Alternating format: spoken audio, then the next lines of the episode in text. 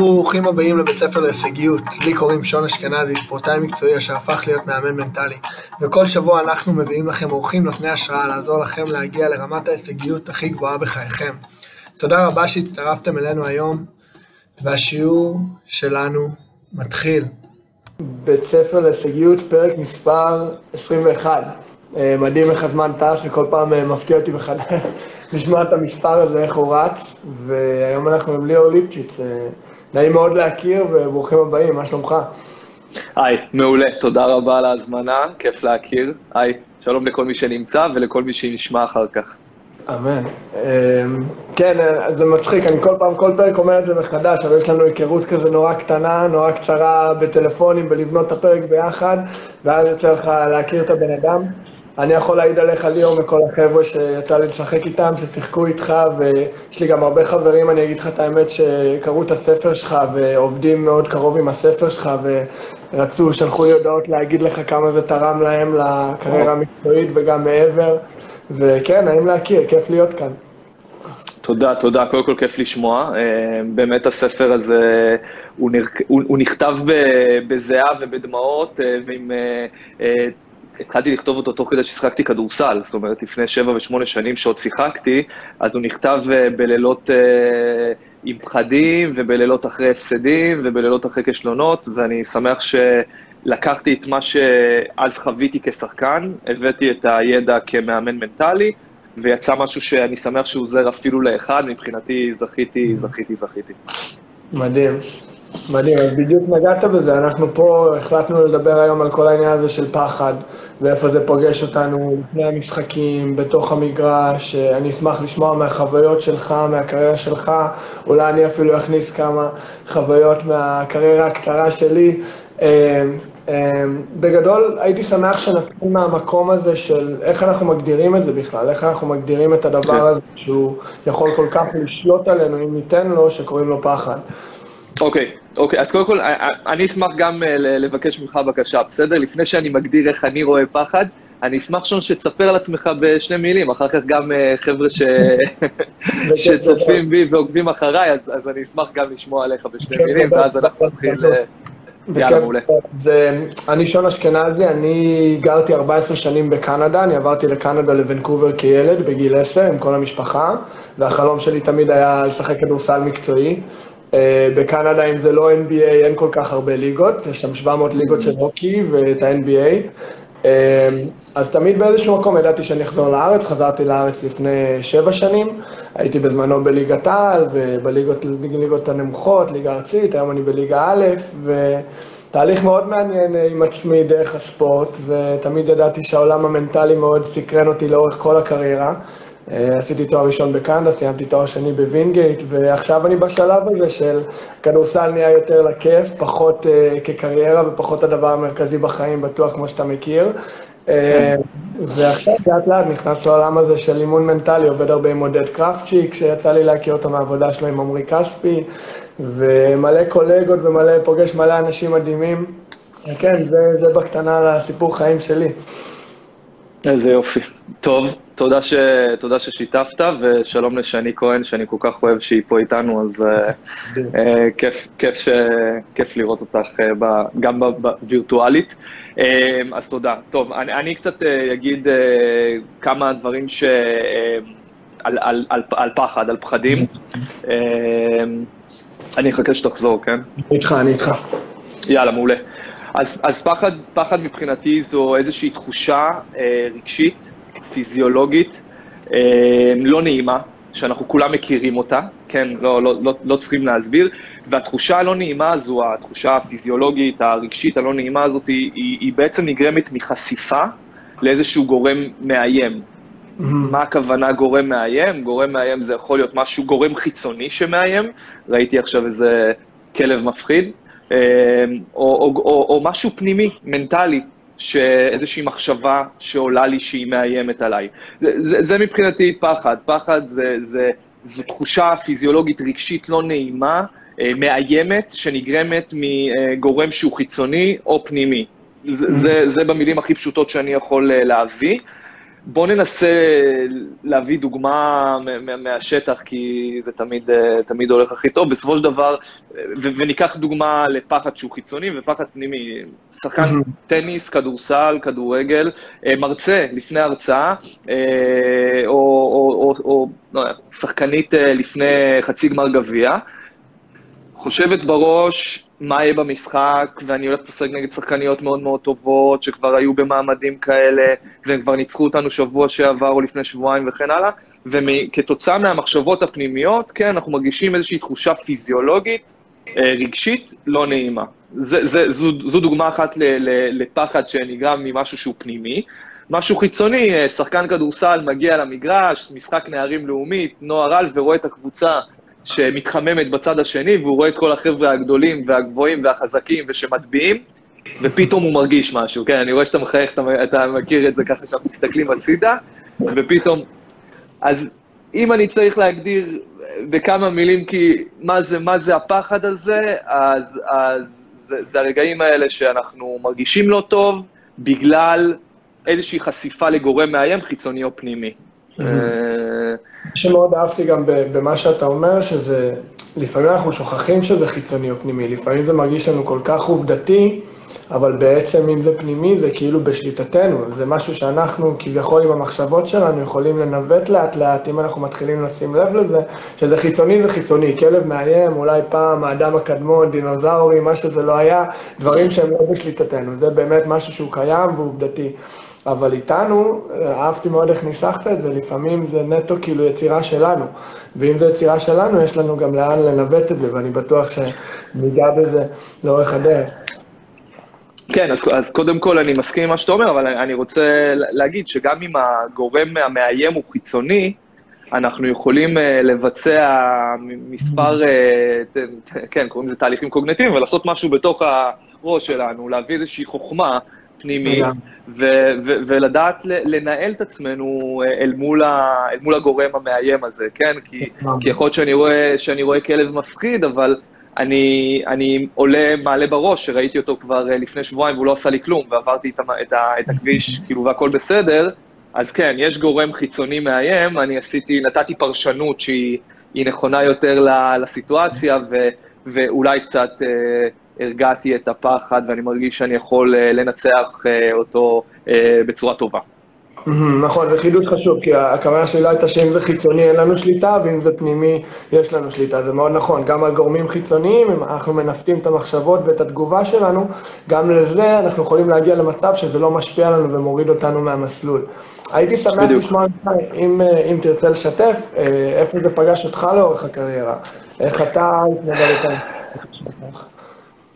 כן, אז, אז קודם כל חייב להודות, אה, ואני מניח שזה לא, זה לא אמור להפתיע אף אחד, אבל פחד הוא חלק אינטגרלי, טבעי, מ, אצל, אצל כל בני האדם, על, על אחת כמה וכמה אצל ספורטאים שחווים אה, מתחים גדולים, לחצים גדולים, שהשאיפות שלהם הם מאוד מאוד, יש להם מטרות מוגדרות ושאיפות וחלומות. ושאנחנו רוצים להשיג משהו בצורה מאוד מאוד מאוד רצינית וחזקה, אז מגיעים גם לא מעט פחדים. אני, אני, מאז שאני זוכר את עצמי, אה, משחק כדורסל, כן, יש אה, פחד, אה, אתה יודע, התחלתי ותמיד הייתי השחקן הכי נמוך, אז, אז הפחד הזה שאני לא מספיק חזק, ואני לא מספיק גבוה, ואני לא אצליח להתמודד עם הגדלים ועם הפיזיות ועם האתלטיות, זה פחד שהיה בגיל מאוד מאוד צעיר, שהוא mm. נכח בי בצורה מאוד מאוד חזקה, שכבר אה, בגילי נערים ונוער, כבר שהייתי שחקן טוב ושחקן נבחרת הנוער של ישראל, ואחד מהשחקנים הטובים בארץ לגילי, אז, אז פחדתי שזה לא יספיק. פחדתי שזה טוב לגיל נוער, אבל לגיל בוגרים זה לא, זה לא מספיק טוב. אחר כך, כשכבר עליתי לבוגרים, אז uh, פחדתי שה... שהזרים, שהאנגלית שלי לא תהיה מספיק טובה, פחדתי שאני, שאני לא אצליח אה, אה, אה, לא רק לתקשר טוב, אלא להביא לידי ביטוי את היכולות שלי. Mm-hmm. ויש פחדים שחוויתי של פציעות, פחד מלהיפצע או פחד מפציעה שתחזור, פחד לעשות פדיחה בשידור ישיר מול uh, כל מדינת ישראל uh, בגמר גביע המדינה, אז קראו לזה יד אליהו של פעם, כן? Uh, שיראו ואני אפול או שאני אחטיא איזשהו לאפ קל. פחדים מלווים אותנו כל הזמן, עד היום, פחדים הכי, הכי קטנים אל מול הכי גדולים, זה משהו שאני חווה אותו, ואנחנו חווים אותו בצורה יומיומית. אבל אני חושב ש, ש, שאני רוצה להגיד שני דברים, כאילו, אחד זה הדבר הכי נורמלי וטבעי והגיוני, שזה קורה לכולנו, והדבר השני, שאני רוצה להגיד, שיש כלים מנטליים להתמודד. אמ, יש טכניקות וכלים מנטליים שעוזרים לנו לווסת את הפחד, שיוצרים, ש, שגורמים לנו לדעת להתמודד איתו בצורה טובה יותר. יש מה לעשות עם הפחדים, כן? אז, אז זה, זה חשוב להגיד.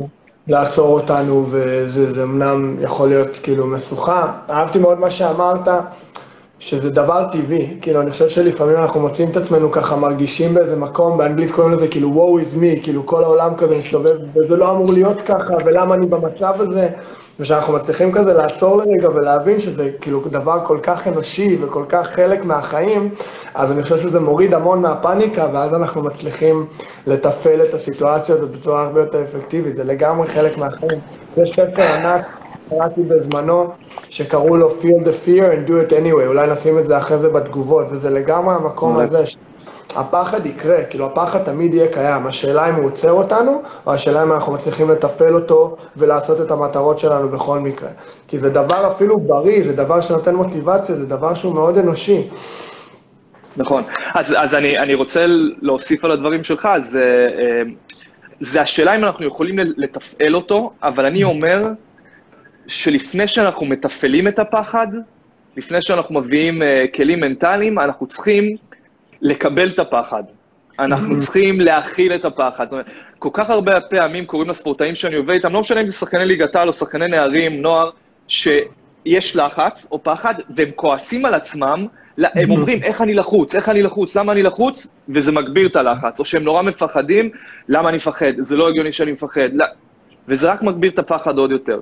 ואחד הדברים שאנחנו לומדים פה, זה, זה כמובן תהליך, זה לא משהו שכאילו בצ'יק, אבל אבל זה לקבל את הפחד, זה להגיד, כאילו, זה חלק מהעניין, אני מבין, זה נורמלי וטבעי, כאילו, אני חווה עכשיו משהו, אני רואה את הפחד הזה, זה הגיוני, אני מאוד רוצה להצליח, אני מאוד רוצה לנצח, באים עכשיו לראות אותי הסוכן שלי, המאמן שאולי אני רוצה, מאמן נבחרת ישראל, לא משנה מה, זה הגיוני שאני חווה את זה. עכשיו, באופן פרדוקסלי, ברגע שאתה מקבל את הפחד, אתה קצת מקטין אותו, אתה קצת ככה אתה קצת מחבק אותו ואתה אומר, אוקיי, הגיוני, טבעי, אחלה, יופי, מצוין, אז, אז אני יכול עכשיו, עכשיו, עכשיו אני יכול להתחיל לתפעל אותו, אז היה חשוב לי להוסיף, להוסיף את ה...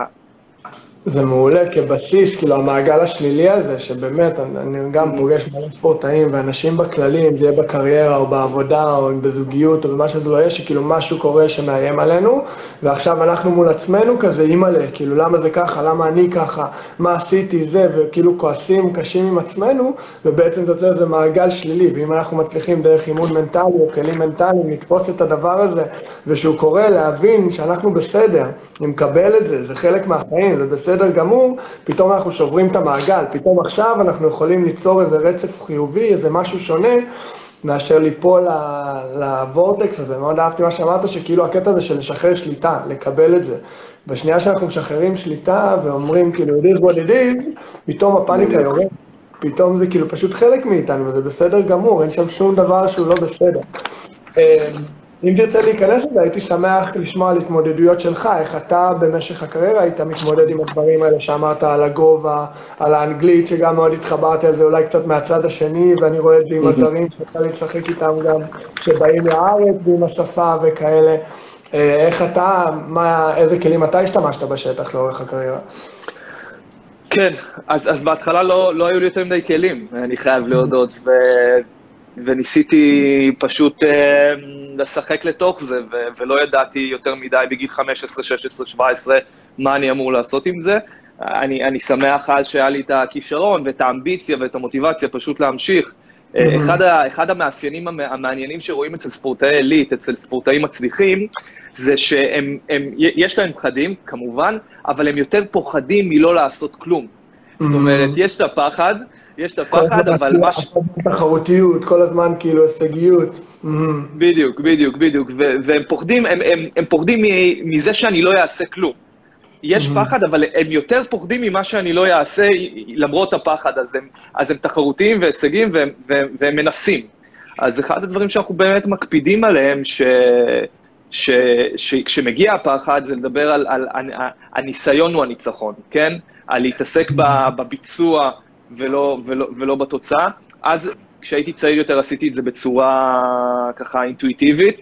אמ, פחדתי מלא לעשות כלום, העדפתי לעשות אה, ולבצע, ומאשר שאני אגיד לעצמי למה לא עשיתי כי פחדתי, וזה משהו שאני יודע שהיום מחקרים ומהמון המון רעיונות עם ספורטאי עילית, זה משהו שהוא מאפיין מאוד מאוד חזק. אני אה, פוחד מזה שאני לא אעשה כלום. אז זה, זה, זה משהו שעשיתי אינטואיטיבית.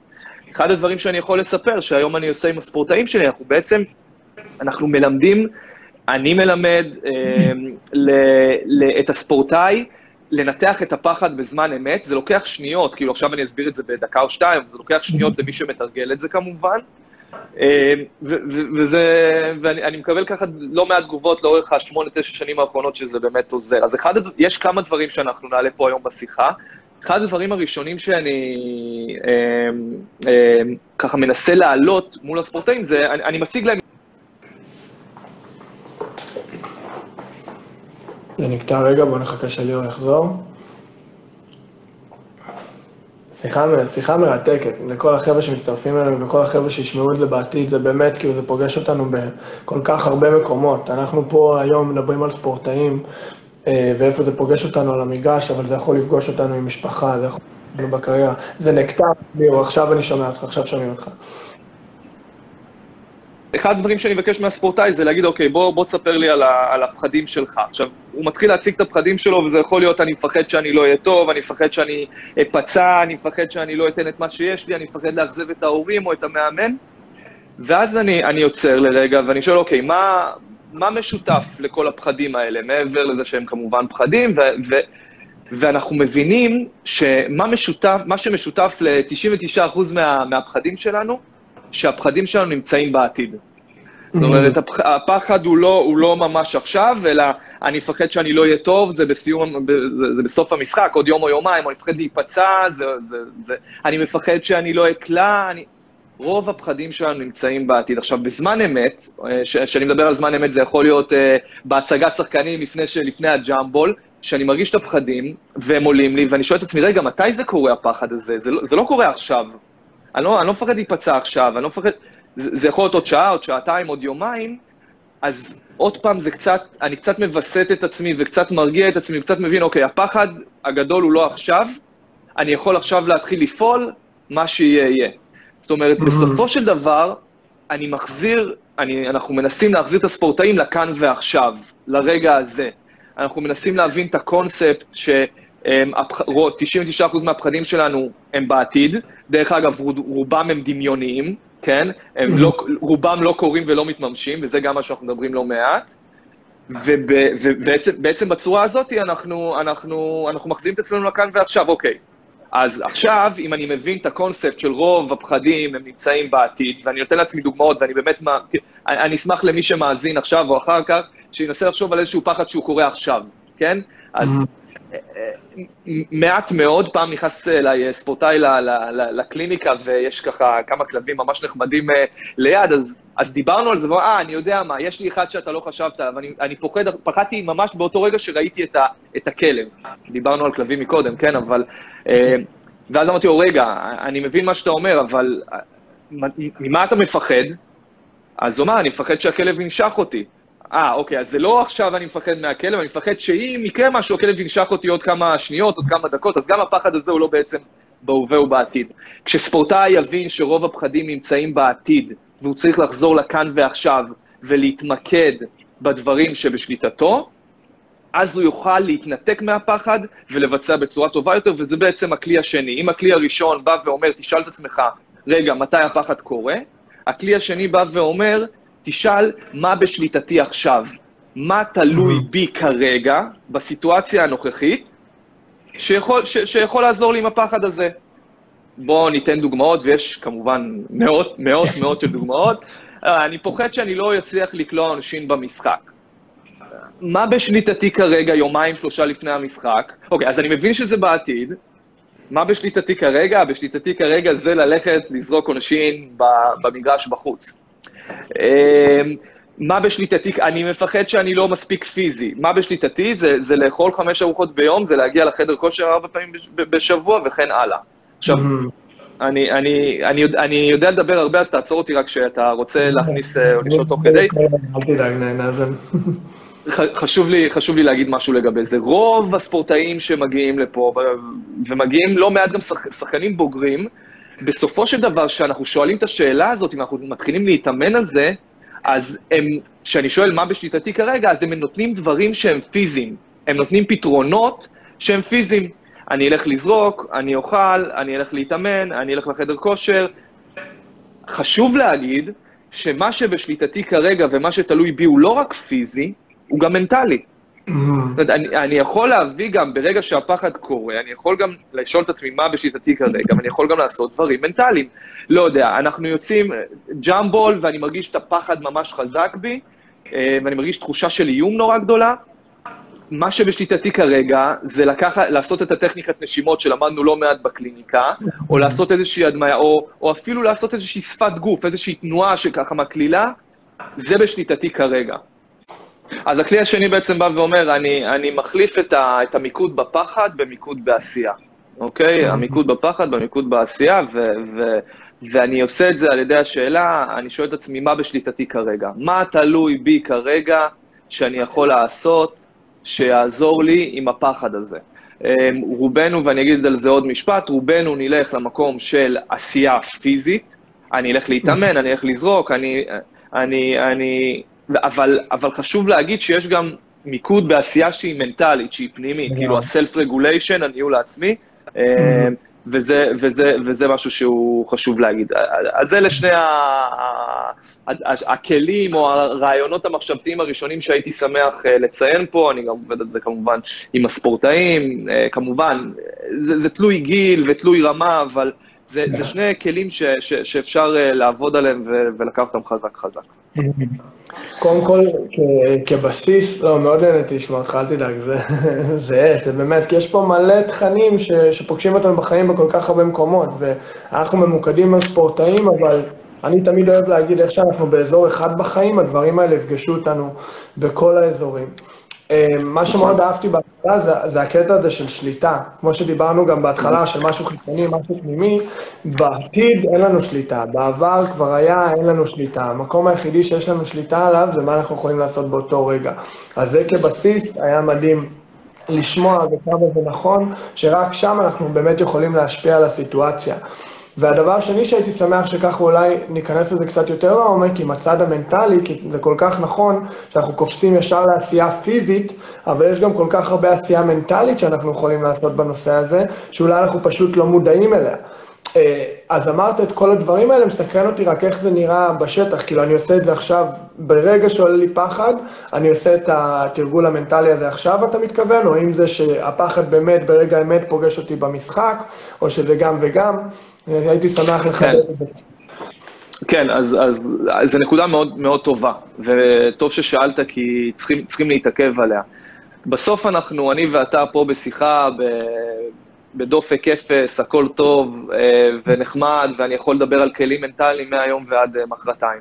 אבל שנינו מבינים, או כל מי שצופה בנו, מאזין בנו, מאזין לנו, מבין, שהפחד מגיע, הדופק גבוה, אני מזיע, אני, המחשבות רצות, כאילו, זה לא, לא, לא, לא, לא קל לעשות את זה בזמן אמת. וכאן נכנס, כאן נכנס כל העניין של, של אימון, אימון. למידה, אנחנו לומדים, ואז מתאמנים. ובסופו של יום, כשאנחנו לומדים משהו בקליניקה, בתהליכים המנטליים, זה לא, אוקיי, למדתי את זה, אני עושה את זה במשחק, זה גם לא יקרה, אלא למדתי משהו בעקבות משהו שקורה לי, שמפריע לי, בעקבות משהו שהוא אישיותית קשור אליי, אני מקבל כלי מנטלי כלשהו, תכף נדבר על מגוון של כלים מנטליים שאפשר, בסלף רגוליישן, בניהול העצמי שאפשר לעשות, ואני מתרגל אותם, אני מתאמן עליהם ביום-יום שלי. זה יכול להיות ביום-יום עם זה שאני רוצה יש מישהי בכיתה שמוצאת חן בעיניי ואני רוצה להזמין אותה לצאת איתי, זה יכול להיות, אה, אה, אני, אני שחקן ליגת העל ומזמינים אותי להרצאה, וזה נורא מפחיד אותי ונורא מרגש אותי, אז אני מתאמן על זה שם. זה יכול להיות בזוגיות שלי, זה יכול להיות במגוון רחב של, אה, אה, של פרמטרים ביום-יום שלנו. אני צריך להתאמן על הכלים האלה, שאנחנו לומדים, שהם מותאמים לי אישית, וככל שאני אתאמן עליהם יותר ביום-יום בצורה יבשה יותר, כן, ולא עם לחץ גדול. ככה אני אוכל להגיע למשחק ולבצע אותם בצורה טובה יותר. Mm. אז, אז זה כמה דברים, אני, אני שנייה אנסה לארוז את זה. אחד, זה להבין מי אני, מהם החולשות שלי, מהם החוזקות שלי, מהם היתרונות שלי, איפה אני נופל, איפ, מהם הדברים שמפריעים לי, מהם הדברים שמפחידים אותי. כל אחד חייב לעשות את זה, וזה על ידי תהליך עומק של כניסה אנשים יודעים לעשות את זה כמובן בינם ובין עצמם, זה מעולה. הספורטאים שמגיעים לפה עושים את זה, אנחנו עושים את זה יחד, אבל זה הבנה של מי אני. הלאה, הדבר השני זה, אוקיי, אני מבין מי אני, עכשיו, מהם הכלים שמתאימים לי? כי יש מגוון רחב של כלים, כן? שיכול לעזור לי. ותכף אולי נדבר קצת על הכלים המנטליים האלה. אחרי שלמדתי על הכלים המנטליים האלה, ברור שזה לא מספיק, אני צריך לתרגל אותם, לתרגל אותם ביום-יום. לתרגל אותם בקליניקה, בסימולציות בשטח, אנחנו עושים כל מיני סימולציות עם וידאוים או, או אה, מהדמיות כאלה ואחרות. אני רוצה להעביר את זה לאימון כדורסל או כדורגל או טניס, אני רוצה להעביר את זה לזמן לחץ בתוך האימון, ואז אנחנו מקווים שבזמן משחק אנחנו נוכל להביא אותם, את הכלים האלה. חשוב להגיד, זה לא יבוא בבת אחת, זה לא, אה, אוקיי, הצלחתי, זהו, זה קורה, אלא גם במשחק, אני מתרגל ולומד ונופל ולא מצליח וכן מצליח, עד שלאט לאט זה נטמע, והפחד שפעם נורא נורא עצר אותי וכיווץ אותי וגרם לי, ל, לי לקפוא, אני כבר יודע לנהל אותו טוב יותר, כי אני מקבל אותו, מה שאמרנו, כי אני מבין שהוא בעתיד, וכי אני משתמש בכלי מנטלי אחד או שתיים שכבר תרגלתי אותם כל כך הרבה זמן, ואני מבין שהם עוזרים לי, אז הנה אני מביא אותם עכשיו בזמן אמת וזה קורה. Mm-hmm. מעולה. אני רק אענה גם לחבר'ה פה, בכיף. חברים מוזמנים לשאול שאלות על הדרך, אנחנו ננסה להגיע לכולם, יש לנו את השאלות הכתובות שלנו, אבל בהחלט נשאיר זמן בסוף גם לגעת בכל הסוגיות שעולות פה על הדרך. אמ, כן. לא, אני שמח מאוד שחידדת את זה, כי זה נשמע... זה מאוד מקפיץ לי את הקטע של לא לקפוץ ישר לעמוקים. לא לקפוץ ישר, כאילו, ל, ל, איך אומרים, נסיבות של לחץ, כמו משחק אליפות או גביע או זה, ולצפות שעכשיו הכלים שרק התחלתי להשתמש בהם ולהגדיר אותם, יעבדו לי פתאום בצורה כזאת אפקטיבית. להתחיל בקטנה, להתחיל עם עצמי, להתחיל, כמו שאמרת, בסיטואציה אולי כזאת ביום-יום, לאט לאט לקחת את זה לאימונים, לאט לאט אולי לקחת את זה למשחק אימון, ולעשות את הפרוגרציה הטבעית הזאת, שרק אז אנחנו נראה תוצאות. זה יהיה מאוד קשה לקפוץ ישר לשלב האחרון ולעמוקים, ולצפות שהדבר הזה יעבוד עכשיו כמו קסם, כאילו, ויפתור לנו את כל הבעיות שצצות. זה מעולה שחידדנו את זה. וכשאתה אומר את זה, אתה יודע, כשאני שומע את המילים שלך, אז אני לוקח את זה גם לפן הפיזי, כאילו מלמדים עכשיו אה, ילד לעשות pick and roll ו inside out ולקחת איזשהו jump. אה, זה לא, זה לא יקרה באותו רגע, זה לא יקרה גם שבוע אחר כך בצורה טובה, עם תרגול וחזרה, חזרתיות של over and over and over again, אז בסוף אני אצליח להביא את זה לידי ביטוי. בפן הפיזי, קל לנו להבין את זה. בפן של הטכניקה, של הכלייה, קל לנו, כי אנחנו רואים את זה בעיניים. בתוצאה מהדין, אנחנו רואים לגמרי. כן, כן, כן, כן, ופתאום שאני צריך, אה, זה משהו שהוא פנימי, שפחות רואים, הוא פחות מוחשי, יותר קשה לקבל את זה ולהיות סבלני עם זה ולהיות עם איפוק, אה, עם איפוק עם זה.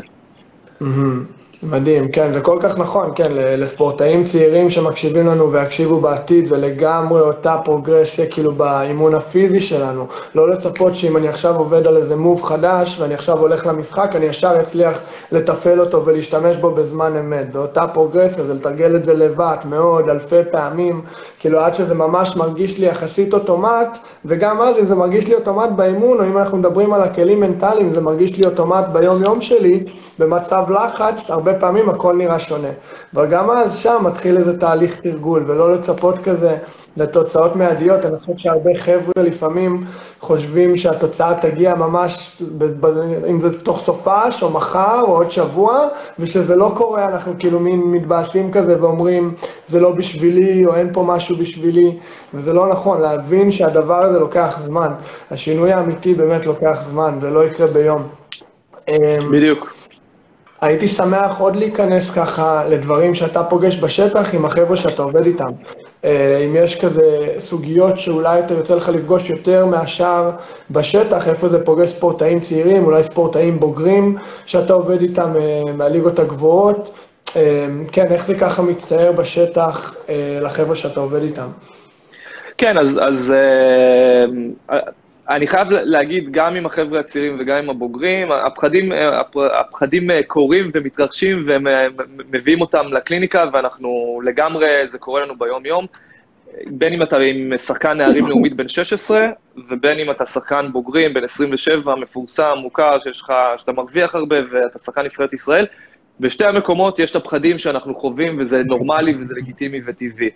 אחד, ה, אחד ה, הסוגיות שעולות הרבה זה, זה פחד, זה פחד מלאכזב, זה פחד מציפיות שיש. אז עם, עם ספורטאים צעירים זה לא מעט מההורים, זאת אומרת, פחד לאכזב את ההורים ו... ו- או את המאמן, אני, אני, אני חושש שאני לא אצליח להראות לו כמה אני טוב, או שאמא תתאכזב, או שאבא אה, ככה יתבאס שאני לא טוב. יש, זה, זה פחד שהוא נורא, אה, הוא נורא חזק אצל הספורטאים הצעירים. אצ, אצל הספורטאים הבוגרים אה, יש פחדים שהם, אה, אה, שהם יודעים לבטא אותם בצורה טובה יותר, מדויקת יותר, אבל יש הרבה ציפיות פנימיות. זאת אומרת, הם עובדים נורא נורא קשה, הם מוצאים כסף להגיע ל, ל, לפסיכולוג ספורט, והם, והם טסים, והם מאמנים אישיים וכאלה, והם יודעים שיש להם עכשיו 40 דקות, ו, ויש, ואני מרגיש שעליהם יש איזשהו לחץ נורא גדול מציפיות, ואז אתה מגיע בסוף לקליעה, יש לך איזשהו קאץ' של שוט כזה, ופתאום אתה קצת פחות נכנס טוב לקליעה, כי אתה קצת חושש, או המאמן אה, קורא לך לעלות מהספסל, ואז אתה פתאום קצת, אתה קצת, הידיים קצת קרות, ואתה, ואתה, ואתה, ואתה, אומר, וואלה, אני, אני יכול להביא את זה עכשיו, אני, כל מה שעבדתי כל השבוע האחרון, אני אצליח להביא את זה עכשיו, וזה, וזה, מוריד, וזה מוריד את ה... זה מחליש את הסיכוי לביצוע טוב. אה, יש, יש, אה, יש הרבה עניינים שקשורים ל, למה יגידו, זאת אומרת, מה הסוכן יגיד, מה החברים לקבוצה יגידו. Mm-hmm. כן, כן, אז, אז עניין של ציפיות זה מביא, כמובן, אנחנו יודעים, לפחדים uh, רציניים מאוד, ו, וגם גם עם זה, גם עם זה בסוף uh, יש, יש מה לעשות. בסופו של דבר, שספורטאי, לא משנה uh, מאיזה ענף ספורט, יבוא וידע יש לי משפט שאני אומר, כן, מטרות קטנות משקיטים פחדים גדולים. אני, אני אגיד את זה עוד פעם, מטרות קטנות משקיטים פחדים גדולים. ו, ו, וש, ו, ואני מאוד מאמין בזה. בסוף אנחנו, כשאנחנו עולים למגרש, מטרה, איזשהו פחד, כאילו, יש מטרה גדולה שמביאה פחד גדול, אבל שיש לי סדר פעולה קבוע, ואני יודע שכשאני עולה חילוף ראשון, אני, המטרה שלי ללחוץ על כל המגרש, להיות ווקאלי בהגנה, אה, ולעבור את, החס... את החסימה מאחורה ככה. אז אלה המטרות הקטנות שלי. זה mm. פתאום משקיט את הפחד הגדול של, רגע, אני אהיה טוב, אני אצליח, אני אקלח 15. ומה שיפה, שאנחנו רואים את השחקנים שמתמקדים בקטן, בפעולות הקטנות, במשימות הקטנות, במטרות הברורות שבשליטתם, וכשהם נכנסים טוב למשחק, אז פתאום הם, הם יכולים פתאום לעשות איזשהו up and under, פתאום הם לוקחים על עצמם יותר, פתאום לוקחים איזושהי זריקה. כן, הם פתאום לוקחים איזושהי זריקה שהיא קצת יותר ריסקית, כי, כי, כי הם מרגישים שהם עברו את הפחד הגדול הזה. אז אה, אה, מטרות קטנות משקידים פחדים גדולים, שהפחד הגדול מגיע, איזה שתיים, שלוש מטרות, איזו מטרה אחת אני יכול לתת לעצמי כדי, לה, כדי לחזור לכאן ועכשיו ולדברים שבשליטתי. אהבתי את זה. מטרות קטנות, משקיט, פחדים גדולים, יפה. כן, כן, מטרות קטנות... זה, לא, לא, זה בסדר. מטרות קטנות משקיטות פחדים גדולים, כן, זה בסדר גמור, אבל אה, אה, עצם הקונספט הוא זה מה שחשוב. כאילו, רעיונית שאני מרגיש פחד ואני חווה אותו, בין אם זה דפיקות לב, בין אם זה הזעה מוגברת, בין אם זה מחשבות לא טובות, זה הזמן שלי, זה הזמן שלי אה, לתת איזושהי מטרה קטנה שבשליטתי, שתי מטרות שאני טוב בהן, כן, אני, אני קורא לזה הרבה פעמים השחקנים אה, שאני עובד איתם, B2B, כאילו B2B, זה אה, אה, אה, back to basic, כן? Okay. אוקיי. כאילו, כן, אז back to basic זה משהו שאנחנו עובדים עליו, אנחנו רושמים אותו. אם אני מבין אותך נכון.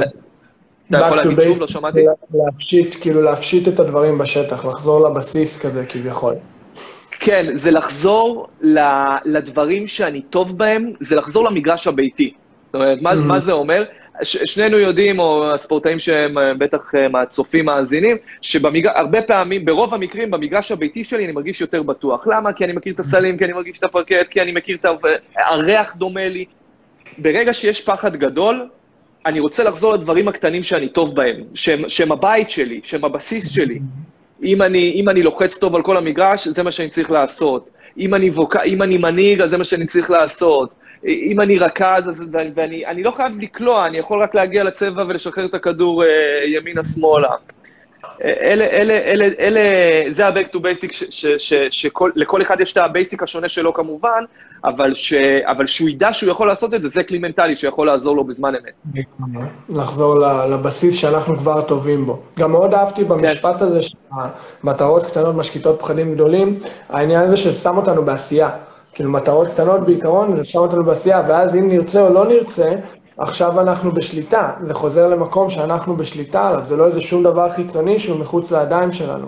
זה מדהים, זה משפט מאוד קטן שמחדד כאילו משהו כזה ענק ומכניס אותנו חזרה למקום הזה שזה נטו בידיים שלנו. שעכשיו אנחנו ודרך המטרות האלה אנחנו מכניסים את עצמנו לעשייה, כמו שדיברנו בתחילת השיח. שעכשיו אנחנו בחזרה ברגע, חזרה בשליטה, חזרה בדברים האלה שאנחנו יכולים לשלוט עליהם, וזה לא איזה משהו שהוא בעתיד או בעבר או, או מחוץ ל, לידיים שלנו. בול. מעולה. כן. גם נגענו, שהתחלת בהתחלה, וזה גם בעצם השאלה הבאה שרשומה לי פה, אה, אמרת על כל מיני ספורטאים שהם אני חושב שכולנו במקום אחד או אחר בחיים מתעסקים כזה באיך אנשים רואים אותנו, איך אנשים חושבים עלינו, אם זה, אם זה בצעירותנו וחבר'ה שהם בנוער או, או בגילים יותר צעירים, המקום הזה של אה, לאכזב, או להורים שלנו, או למאמן שלנו, שאנחנו, אני חושב בגיל צעיר מאוד אכפת לנו כזה כל הזמן להוכיח, אני בטוח שלאורך כל החיים, אבל לצעירים מאיתנו במיוחד. אה, וזה משהו שאני חושב שמאוד מאוד מעניין לדבר עליו, העניין הזה של הפחד הזה של מה חושבים עלינו, ולא לתת לזה כן. לשלוט ולעצור אותנו מעשייה. איזה כלים אנחנו יכולים להשתמש שם, ככה לאזן כוחות, ואולי להתעסק במה שיותר חשוב, ולשחרר כן. מהמקום הזה כל הזמן איך אנחנו נראים ומה חושבים עלינו. אני, אני יכול להגיד, אה, אני, אני הולך להגיד משהו עכשיו שהוא דורש אה, שעות של שיחה ומאות שעות של תרגול, וגם קטונתי מ, מלהבין את כל מה שזה אומר אולי. אבל יש לנו, אה, כן, מחקרית יודעים שבין 60 ל-80 אלף מחשבות במהלך היום-יום. כאילו, בן, בן אדם חושב 60-80 אלף מחשבות, הרבה מחשבות אנחנו לא שמים לב אליהן, או לא מודעים להן ממש, חלקם אנחנו ממש מודעים אליהם שאנחנו אה, תופסים, אה, תופסים אותם וזה גורם לנו לאיזשהו פחד, או, או שמחה, או עושר, כן, זה הולך לכמה מקומות. לא מעט מהמחשבות, לא מעט מהמחשבות, אנחנו, הן חוזרות על עצמן, אבל מה שאני רוצה להגיד זה כזה דבר. מחשבה זה לא משהו שאנחנו עושים אותו באופן מאומץ, באופן uh, מאולץ. אנחנו לא אומרים, אוקיי, עכשיו בוא נחשוב, uh, כי... אלא מחשבות קורות לנו. אני, אני נוסע באוטו, מחשבות קורות, אני הולך לאימון, אני אפילו מתרגל בתוך המגרש, לפעמים הראש בורח באימון, או ככה שאני יושב, אה, אה, לא יודע, סתם, רואה, רואה משחק כדורסל בטלוויזיה. Mm-hmm. מה העניין? שמתוך סך המחשבות האלו, אוקיי, יש לא מעט מחשבות שיוצרות פחדים וגורמות לביצוע, לביצועים או להתנהלות לא טובה וחלשה. Mm-hmm. העניין הוא, העניין הוא, אחד, שאנחנו לא מודעים למחשבות, אנחנו לא, אנחנו לא מזהים אותם, כן, אנחנו לא מבינים שעכשיו יש, קורה לנו משהו, יש מושג שנקרא חשיבה מעגלית, אנחנו חושבים וחושבים וחושבים, ומגיעים למקומות לא טובים, אנחנו לא מזהים את, את, את הפחדים, את, את המחשבות האלה, סליחה. שתיים, גם אם זיהיתי, אני לא עושה משהו כדי לעצור אותם. מה הכוונה? מה הכוונה? הקונספט בא ואומר, כשמחשבות בורחות, אני צריך להביא חומות שעוצרות, אוקיי? כשמחשבות בורחות, אני מביא חומות שעוצרות, אוקיי? אמרתי שיש מלא מלא מחשבות, המחשבות, אנחנו לא, הן עולות לנו ברוב המקרים, וספורטאי או אדם שידע להביא חומות שיעצרו את המחשבות האלה, תכף אני אסביר גם איך, את הקונספט של איך, הוא יוכל לעצור ולהשקיט את הפחד ולהביא אה, משהו פרקטי או להביא התמודדות טובה יותר. עכשיו, מה זה החומות האלה? כאילו, בסדר, אחלה משפט. כשהמחשבות בורחות, תביא חומות, ס, סבבה. אבל אם אמרתי שמחשבה פשוט עולה באופן לא מאומץ, חומה, מחש... חומה זה כבר חוכמה. Mm-hmm. אני מרגיש, אני מבין, אני מזהה שיש עכשיו, יש מלא מחשבות, ומה יקרה, ומה המאמן יגיד, ואם אני אפסיד, ואם זה לא יהיה טוב, והמחשבות האלה פשוט בורחות, הן פשוט קורות, אני צריך להביא mm. איזושהי חוכמה, כן, שתחסום, שתחסום את המחשבות האלה. לדוגמה, לדוגמה, לא יודע, אני מפחד שאני לא אהיה טוב במשחק, ואני לא אצליח להביא את עצמי, ואני לא אצליח לקלוע, ואני אלחץ כי באים לראות אותי מהנבחרת, ו, ו, ו, ו, ו. זה מחשבות שבורחות. חומות שעוצרות זה להביא חוכמה שאומרת, היה לי כבר לא מעט משחקים שבאו לראות אותי, אני יודע לתפקד תחת לחץ, בג... הנה, אני... ההוכחה, 1, 2, 3, טאק, אני מרגיש טוב יותר. Mm-hmm.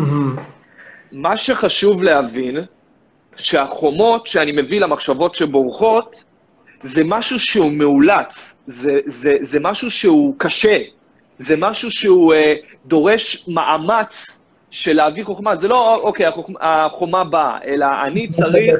כאילו, כמו המחשבות שרצות. קל, בדיוק, יופי. זה לא בא באוטומט, אמרת את זה, זה לא בא באוטומט וקורה אצלנו, אלא אני צריך לזהות ולהביא חומה שעוצרת על ידי חוכמה. החוכמה היא צריכה לבוא, זאת אומרת, אם עכשיו אני אה, נוסע באוטו על אוטומט, אז אני פשוט נוסע.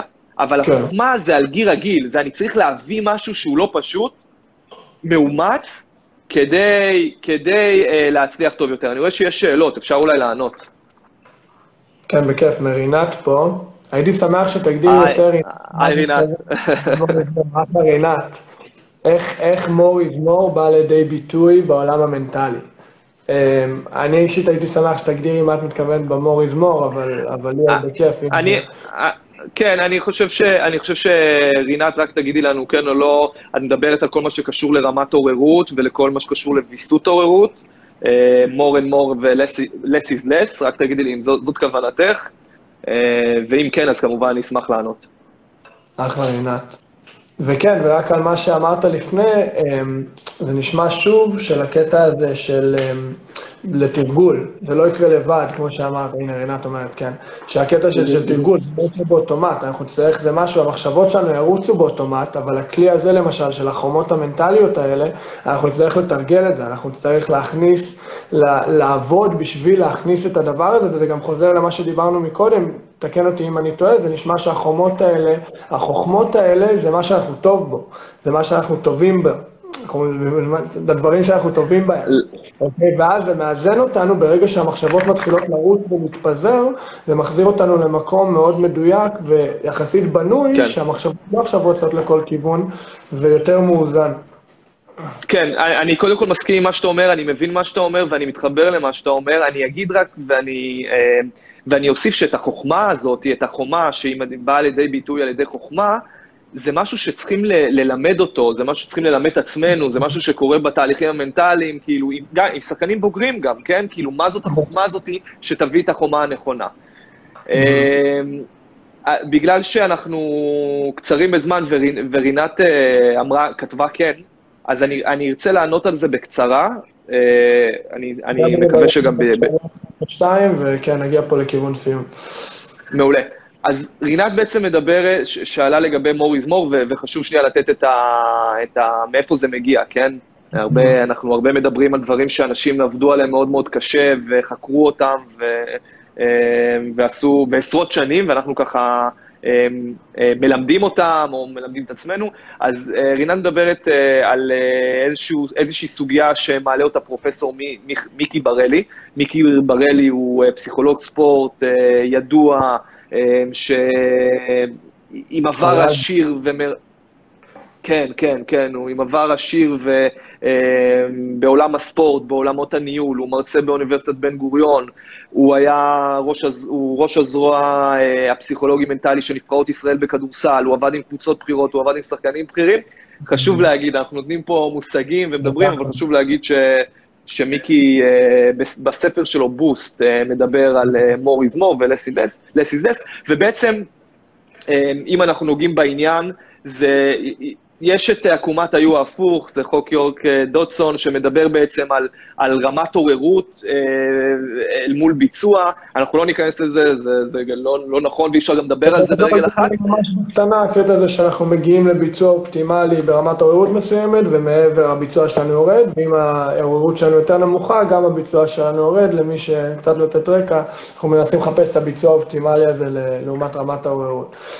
נכון, ומי שרוצה יותר רקע, אפשר לקנות את, לרכוש את הספר בוסט של אה, פרופסור בראלי, וזה מדובר שם בצורה מאוד מפורטת וטובה. אמ, ובעצם, יש את הרגעים האלה שהפחדים, שהלחץ, כן, קצת אמ, משתק אותנו, מוציא אותנו, גורם לנו להיות אולי, להסתכל על המשחק מהצד, להיות קצת אדישים יותר, פתאום הרגליים כבדות יותר, ומה שקטונתי, אבל מה שפרופסור בראלי בא ואומר זה more is more, כאילו עכשיו אני צריך לעשות יותר. זה mm. להרים את רמת העוררות שלי, כן? זה, זה יכול להיות להרים את רמת העוררות על ידי כל מיני אה, מנטרות, אה, מנטרות מנטליות כאלה ואחרות שמוכנות מראש, יאללה, בוא ניתן להם בראש, אני שחקן או משהו כזה, זה יכול להיות, more is more, זה יכול, משהו שהוא פיזיולוגי, זה יכול להיות לעשות תנועתיות, זה יכול לעשות איזושהי תנועה שמחזירה לי את האנרגיה, כן? ויש sometimes less is less, לפעמים אנחנו ברמת עוררות גבוהה מדי, ואנחנו mm-hmm. צריכים למצוא טכניקות מנטליות כדי להוריד את רמת העוררות לאזור של הביצוע המיטבי. זה בקטנה, אפשר לדבר עליו, אפשר לדבר על זה שעות, על, על, על רמת עוררות ועל ויסות עוררות אה, וכן, וכן הלאה, אבל... אפשר לא לעשות עליהם רק פרק שלם, אבל לעשות עליהם עונה שלמה, זה לגמרי, אנחנו נוגעים פה ממש בקצה המזלג. לגמרי, לגמרי, לגמרי. אמ, לא, עוד שאלות? שאלה, ואם יש לעוד חבר'ה, כן, בכיף, מוזמנים לשלוח, וננסה ככה, אין לנו הרבה זמן, אבל ננסה לגעת במה שנצליח. הנושא האחרון שלי היה חשוב, אמ, לגעת בו, ואני בטוח שאתה חווית את זה, אולי חווה את זה, ואני גם אה, יוצא לחשוב על המקום הזה, ואין סוף חברים ושחקנים שאני מכיר, ואני בטוח שגם אתה, יצא לך לפגוש את זה בשטח, של המקום הזה של לכיוון סוף קריירה, לכיוון אם זה בכדורסל או בכל ענף אחר, שאנחנו מגיעים למקום הזה של אה, סוף דרכנו בספורט תחרותי, ושהזהות שלנו כל כך מחוברת לדבר הזה, שכל כך הרבה שנים אנחנו הכרנו את עצמנו כשחקן כדורסל, כשחקן כדורגל, כשחקן הוקי בקנדה, או כל ענף ספורט אחר, ומה שזה לא יהיה, וגם המקום הזה שהערך העצמי שלנו, אם נשים לב לזה או לא, הרבה פעמים מונע מהדבר הזה שאנחנו רגילים להיות כל כך טובים בו, שהוא חלק כל כך גדול מהחיים שלנו. והייתי שמח לגעת כזה לכיוון סיום, במקום הזה של... איך אנחנו מכינים את עצמנו לשלב הבא בחיים. אה, איך אנחנו מכינים את עצמנו במקום מנטלי של, שהזהות שלנו עכשיו לא תהיה שחקן ספורט מקצועי או שחקנית ספורט מקצועית. אמ, וזה גם יכול לשקף דוגמה לשאר החיים במקום שלמשל אנשים מחליפים למשל בין עבודות, שיש את העבודה המסוימת שהם כל כך הרבה שנים, 20-30 שנה היו בעבודה מסוימת ועכשיו הם צריכים לעשות איזה שינוי קריירה, אני חושב שזה נוגע במקום מאוד דומה, שהזהות שלנו מאוד משויכת לדבר הזה. איך אנחנו יכולים להכין את עצמנו ולעשות את השינוי בצורה הכי אפקטיבית שיש. כן, אז, אז באמת, אה, קודם כל זו שאלה ממש טובה ו, וחשובה, אה, ו, ו, ומילת המפתח זה להכין, להכין את עצמנו. כאילו, mm-hmm. אנחנו, אנחנו מגיעים לאיזשהו שלב בק, בקריירה שאנחנו מבינים שזה זה הסוף, או שזה לקראת הסוף, ובאמת הספורטאים שיודעים להכין את עצמם טוב יותר אה, לסיום הקריירה, מתחילים את הפרק הבא טוב יותר. וזה זה דורש, זה דורש העמקה, אני קורא לזה עם הספורטאים שלי, לעלות לראש ההר. מה זה אומר לעלות לראש ההר? זה אומר, צריכים שנייה, ראש ההר כמובן זה מטאפורי, אבל ללכת ולדבר עם עצמי, להקשיב לדברים שלי, מה אני רוצה, מה אני אוהב, מה, מה השליחות שלי בעולם הזה, מה, אני, מה יגרום לי להתעורר בבוקר עם, עם פשן ועם uh, ככה, יגרום לי להתעורר עם, עם שיא העוצמה ושיא האנרגיה, זה לא תמיד יקרה, כן, אבל מה, מה אני חושב ביום שב-20 שנה הקרובות ככה אני אעשה וזה ייתן לי כוח וחיוך ו- ושמחה. זה ההכנה. עכשיו, זה ההכנה של, אוקיי, מה אני רוצה להיות ומה השליחות שלי ומה פנימה אני מסתכל ו, uh, וכן הלאה. אבל אחד הדברים שאנחנו צריכים לעבוד עליהם עוד במהלך הקריירה, כמובן, אני עובד עם הספורטאים שלי כבר בתחילת הקריירה, אבל זה בעצם לנתק את התוצאה מהערך העצמי שלי. זאת אומרת, אנחנו רואים את הספורטאים האלה שהם סיימו עם הכדורסל או עם הטניס, והם סיימו את הקריירה, ופתאום, אז מי אני? כאילו, אני תמיד הייתי השחקן שקולע 15 נקודות, עושה עשרה אסיסטים, הולך וכולם מכירים אותי, הולך, אני הולכת לקניון ומבקשים ממני חתימה, אני, ופית, ופתאום אף אחד, אף אחד, כאילו, אני כבר לא בעניינים, כבר אני לא מחכה לימי ראשון למשחקי ליגת העל שכולם יראו אותי ויהיה פיק כזה גדול וכן הלאה, ואז זה, אנחנו מכירים הרבה מחקרים, ובספרות מדברים הרבה על, על דיכאונות שאחרי סיום קריירה, ועל חרדות uh, קיומיות של מה אני אעשה עכשיו, ודאונים רציניים, ועצבות ודכדוך, אז בשביל לנסות uh, להעמיד את זה, אתה בעצם, אתה בעצם צריך במהלך הקריירה להבין שאתה זה לא התוצאה, כן? אנחנו מכירים את זה uh, לא מעט, אבל בעצם אתה זה לא התוצאה. קלעת 15, אוקיי? זה לא אומר שעכשיו אתה הכי טוב בעולם, ואם החטאת ולא שיחקת טוב, ואתה מסיים עם שתי נקודות, זה לא אומר שאתה השחקן הכי גרוע בעולם. ליאור זה ליאור עם הכישרון שלו, עם מה שיש בו, גם אם עכשיו הוא שיחק, הוא שיחק לא טוב, והמאמן צעק עליו, או חבורה של 600 אוהדים אה, קיללו אותו, בסדר? וככל שספורטאי במהלך קריירה מלמד את עצמו להתנתק מהתוצאה, להבין שהתוצאה לא מגדירה אותו, להבין שהוא זה לא התוצאה, ככה הוא יוכל, ככה בסיום הקריירה, יהיה לו יותר קל להבין שמה שיש בו, בו. עכשיו, קל לי להגיד את זה ככה, אנחנו יושבים בנוח ובשקט. והכל בסדר, זה קשה. החיים האלה מביאים איתם כל הזמן פידבק, על מה? על התוצאה. אני עכשיו העליתי פוסט, כמה לייקים יש לי. אני הולך, אין לי, לי עכשיו עכשיו שריג סתם, אין עליו שום אה, נייקי, לוגו, פולו, אין עליו כלום. מה, זה מה ש... כאילו, אני מקבל עכשיו פידבק, מה, זה... זה תלמידים בבית ספר, מכיתה ב', ג', כאילו, מבחן, קיבלת 90, קיבלת 60. כל הזמן בוחנים אותנו ושופטים אותנו על פי התוצאה. אנחנו הולכים למשחק כדורסל, יש את לוח התוצאות מן הסתם, זה בסדר, זה הגיוני, זה, זה טוב, אנחנו יודעים להתמודד עם זה, אבל מה הבעיה? שאנחנו שופטים את עצמנו כל הזמן על פי התוצאה. אנחנו מחשיבים את עצמנו על פי התוצאה, אנחנו מגדירים את עצמנו על פי מה שכתבו בעיתון, או בתגובה שרשמו לי בפוסט, ואני זה לא התוצאה. אני יכול לשפר את עצמי, אני יכול ללמוד מטעויות, וברגע שספורטאי יגיע לסיום הקריירה, ושהוא ידע שמה שיש בו זה שלו, והוא לא התוצאה, הזהות שלו תהיה יותר חזקה, וככה הוא יוכל לצאת ל, ל, לסבב השני של, ה, של אחרי הקריירה בצורה יותר חזקה, ולהתמודד עם הפחדים הלא פשוטים שמגיעים. מדהים, מדהים. כמו כל דבר שדיברנו היום, זה, זה תרגול, זה תרגול לכל דבר, ולגמרי המקום הזה של...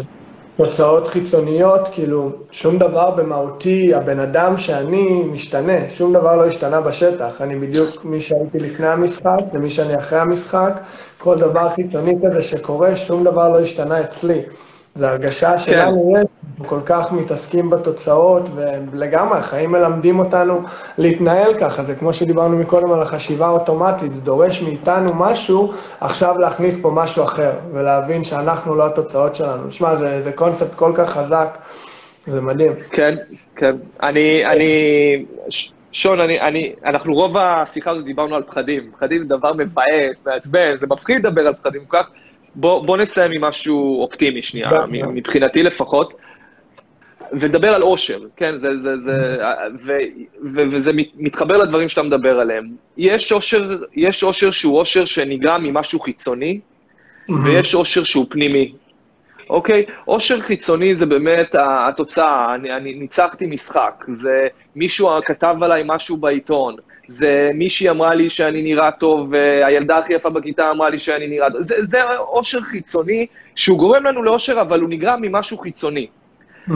אבל אנחנו יודעים, אנחנו יודעים שגם אם עכשיו לקחתי את גמר גביע המדינה, האושר הזה, יומיים, שלושה, אני כבר למשחק הבא, אני כבר למחזור ליגה הבא. קלעתי 15 נקודות במחזור ה-12, יש לי אושר של 5 שעות, 10 שעות, יום, אבל אני כבר, זהו, נגמר, אני כבר מוטרד וחושש ולחוץ לקראת המשחק הבא. מה זה אושר פנימי? אושר פנימי זה ה- היכולת של אדם בעצם אה, לשים לעצמו כמטרות דברים שתלויים בו. זאת אומרת, אני רוצה, אני, במשחק האחרון, למרות שקלעתי ארבע נקודות ולא הייתי טוב, לקחתי כל הזדמנות שהייתה לי. התמקדתי בביצוע. אז היה לי משחק לא טוב, אבל אני בפנים יודע שלקחתי כל האפשרות שהיו לי. עושר פנימי זה לא דברים חיצוניים, זה לא תגובות חיצוניות, זה לא תוצאות חיצוניות, זה איזשהו משהו פנימי, שפה למשל מגיע ההוקרת תודה. כמה אני מוקיר תודה על מה שיש לי. כשאני מוקיר תודה על מה שיש לי, לא משנה אם הפסדתי עכשיו את גמר גביע המדינה בשנייה האחרונה, יש בי איזשהו משהו פנימי, אני לא אהיה שמח אחרי שהפסדתי את גמר גביע המדינה, אבל יש בי משהו פנימי שיכול להגיד, אוקיי, הכל בסדר, יש לי את ההורים שלי, את המשפחה שלי, את הבגדים שלי, יש לי אפילו את החברים הטובים שלי, ש... אז, אז, אז כן זה משמעותי. אז הודיה, כן? אמ, מה עוד יכול לעזור לנו? מה, מה עוד יכול לעזור לנו? זה, זה, זה אמ, הצלחות, הצלחות שהן אה, פנימיות, כי, שהן של התקדמות, אוקיי? מה זה אומר? הפסדתי משחק, חיצוני. מישהו אמר עליי משהו לא טוב, זה חיצוני. אני עושה איזושהי רשימה של הצלחות מה התקדמתי בחודש האחרון? העליתי קילו וחצי, שיפרתי את האחוזים וככה וככה, לקחתי יותר ניסיונות של זריקות משלוש, אה, אוקיי, אז אני מסופק עם זה. ככל שבן אדם יחליף את העושר החיצוני במשהו שהוא פנימי, ככה הוא יוכל לחיות יותר טוב, ולדעתי גם בסוף לבצע טוב יותר. אז, אז רציתי גם שנסיים עם משהו אופטימי. לא, מעולה. וגם בשני הדברים האלה, גם העושר הפנימי וגם ההצלחות האלה, זה כל מה ששמעתי אותך אומר, שזה כל כך נכון, זה דברים שהם בשליטתי. כאילו שום דבר חיצוני לא יכול להשפיע על כמה אני נתתי מעצמי. איזה החלטות אני קיבלתי וכמה אני גאה בעצמי על ההחלטות האלה, שאולי במשחק הקודם לא היו. וזו נקודה ממש חזקה, וכמו כל הנושאים שלנו, אנחנו יכולים להעמיק בזה שעות. יש שתי שאלות קטנות ככה, שאני תמיד אוהב לסיים איתן. אה, אחת הראשונה זה איך אתה מגדיר אה, הצלחה והישגיות, מהי ההגדרה האישית שלך. אז הייתי שמח לשמוע, ואז נעבור לאחרונה. אני, אני, אני מגדיר הצלחה אה, כ, כשיפור, שיפור, mm-hmm. שיפור מתמיד. אה, אני, בסופו של דבר, שיפור זה יכול להיות שגם במשחק האחרון הייתי לא טוב, הייתי טוב, טוב, טוב, ובמשחק האחרון לא הייתי טוב. שיפור מבחינתי זה איך אני יוצא מהמשחק האחרון ו- ומשתפר ו- ו- ומגיע למשחק עם חוסן מנטלי ועם מיקוד ופוקוס ומטרות ברורות ודיבור פנימי חיובי. אבל ככל שבן אדם יתמקד בשיפור, בהתקדמות, בצמיחה, ולא בתוצאה, זו ההצלחה. Mm-hmm. זה הפרמטרים שמבחינתי מגדירים הצלחה, זה כמה אני מצליח להשתפר כל יום עוד קצת. להשתפר. זה לאו דווקא אומר לקלוע מ-8 נקודות, 9 נקודות. זה כן. ללמוד עוד משהו על עצמי, זה לעשות mm-hmm. עוד אימון קשוח, זה לדבר לעצמי בצורה יותר נעימה, זה להגיד תודה על מה שיש לי. ככל שאני משתפר בפרמטרים כאלה, אני, אני, אני בהצלחה. מדהים. הקטע הזה של תמיד קדימה, כאילו, אני, האם אני יותר טוב ממה שהייתי אתמול? תמיד אני משתפר, תמיד אני גדל. מדהים. כן. והשאלה האחרונה שאני תמיד אוהב לסיים עליה זה, ככה ליאור, אם היית יכול לתפוס את עצמך, אפשר לקחת את זה לקריירת משחק שלי, אבל, שלך, אבל אה, לי אישית זה יותר מעניין בעולם המנטלי וכמאמן מנטלי, אם היית יכול לתפוס את עצמך ככה ממש בתחילת דרכך, בתחום, אה, אמרת זה היה לפני שמונה, תשע שנים, עשר שנים, וככה לתפוס את ליאור ככה הצידה ולהגיד לו משהו קטן או כמה דברים קטנים באוזן שהיו חוסכים לו המון אנרגיה מבוזבזת והמון אה, כאבי ראש לאורך, ה, לאורך הדרך, מה היית אומר לו? אה, זו שאלה יפה. קודם כל הייתי מדבר על סבלנות, על סבלנות, על יכולת איפוק. על יכולת אה, לדעת שדברים באים אה, כשהם, כשהם, כשהם צריכים לבוא ככה, ולא לא, לא תמיד שאנחנו רוצים, אני אומר את זה גם לספורטאים שלי. סבלנות זה אחד התכונות החשובות ביותר, החשובות ביותר להצלחה. לפעמים יש לי סבלנות, לפעמים אין לי, אבל זה משהו שאני, שהייתי רוצה להזכיר לעצמי את זה אולי יותר בתחילת הדרך. זה משהו שהוא מאוד מאוד חשוב, אני חושב שסבלנות. היכולת לדעת שדברים יגיעו בדרך שלהם, בזמן שלהם, בצורה שלהם, זה משהו שהייתי ככה אומר. אומר. מדהים. מדהים, האמונה הזאת שזה כאילו זה יגיע, זה בדרך, זה בזמן הנכון. כן. מדהים. כן. מגניב, כן. להגיד לך תודה רבה על הזמן שהקדשת לנו והיית פה איתנו. תודה רבה לכל הצופים שהצטרפו אלינו עכשיו בזמן אמת ויקשיבו לזה בעתיד. אני אישית, ליאור, רוצה באמת להוקיר אותך על, על מי שאתה. לא יצא לנו לשחק ביחד או, או להכיר ככה אישית יותר מדי, אבל באמת מכל האנשים שיצא לדבר על, איתך, איתם עליך, ו- וסיפרו לי על החוויות שהיו להם איתך, ששיחקו איתך, וכל החבר'ה שיצאו להם לקרוא את הספר שלך, ולעבוד איתך באיזה פן קבוצתי או אישי. מדברים עליך ברמות הכי גבוהות, וצריך יותר אנשים כמוך בתחום, וכיף מאוד להכיר, ותמשיך את העבודה הטובה בשטח, באמת מעריך. המון, המון תודה, שון, על המילים, תודה על האפשרות לדבר, ו... אולי לגעת אפילו בבן אדם אחד, באחוז אחד, מבחינתי זו זכות גדולה מאוד, אני מעריך את זה ומודה לך ומאחל הצלחה גדולה. אמן, אמן. תודה רבה ליאור, תודה רבה לכל מי שהצטרף, תודה רבה לכל מי שיקשיב בעתיד. יאללה, שיהיה אחלה יום. זה היה עוד פרק של בית ספר להישגיות. כיף שנשארתם איתנו עד סוף הפרק. מקווה שנהניתם מהשיחה שלנו. אם לקחתם משהו לחיים האישיים שלכם מהשיח הזה, אני מפציר בכם לשתף את הפרק הזה עם מישהו אחד או שניים, עם העוקבים שלכם, או עם כל מי שהפרק הזה יכול לתרום לו או לה. תודה שהצטרפתם אלינו היום, שיהיה שבוע נהדר, ונתראה בפרק הבא של בית ספר להישגיות.